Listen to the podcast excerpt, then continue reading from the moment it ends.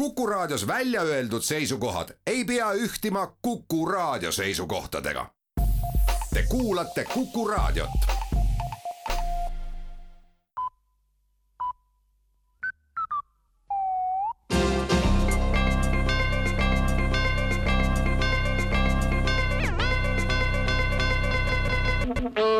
tere kuulama uudiseid stuudios Rohke Debelak riiklik valimiskomisjon annab teada, et valimiste võitja osas on muudatusi ja selleks on erakond Eestimaa passiivsed.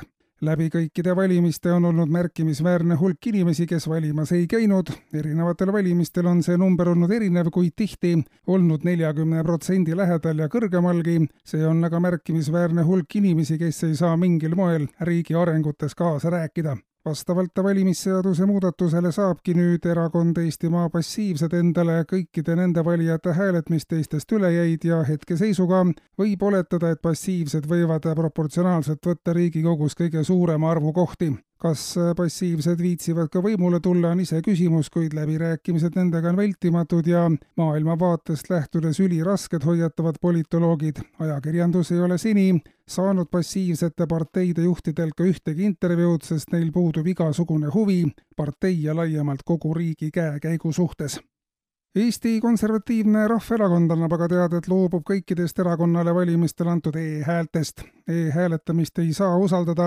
mida näitavad kujukalt ka e-hääletuse tulemused, seega ei saa EKRE kindel olla, et erakonnale antud e-hääled on tõesti antud EKRE valijate poolt. Pole välistatud, et EKRE-le tuli ka mõni sotside valijate poolt antud e-hääl või mõne muu erakonna poolehoidja hääl ja valija puhtust ei ole sellises olukorras võimalik tagada EKRE loobub e-häältest ja on esitanud valimiskomisjonile taotluse need desinfitseerida või hävitada.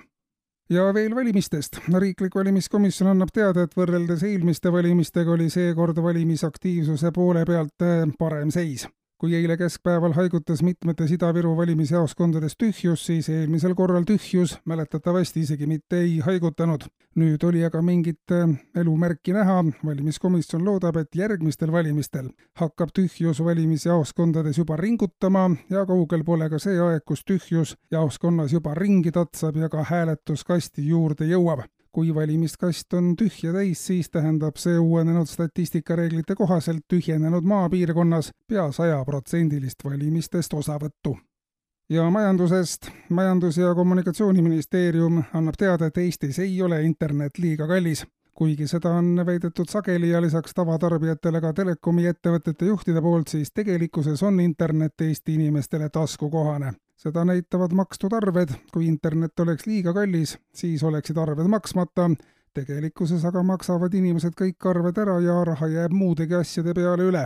praegu on hindadel kasvuruumi küllaga ja interneti kiirusel allapoole liikumise ruumi samuti, märgib Majandus- ja Kommunikatsiooniministeerium teates. kuulsite uudiseid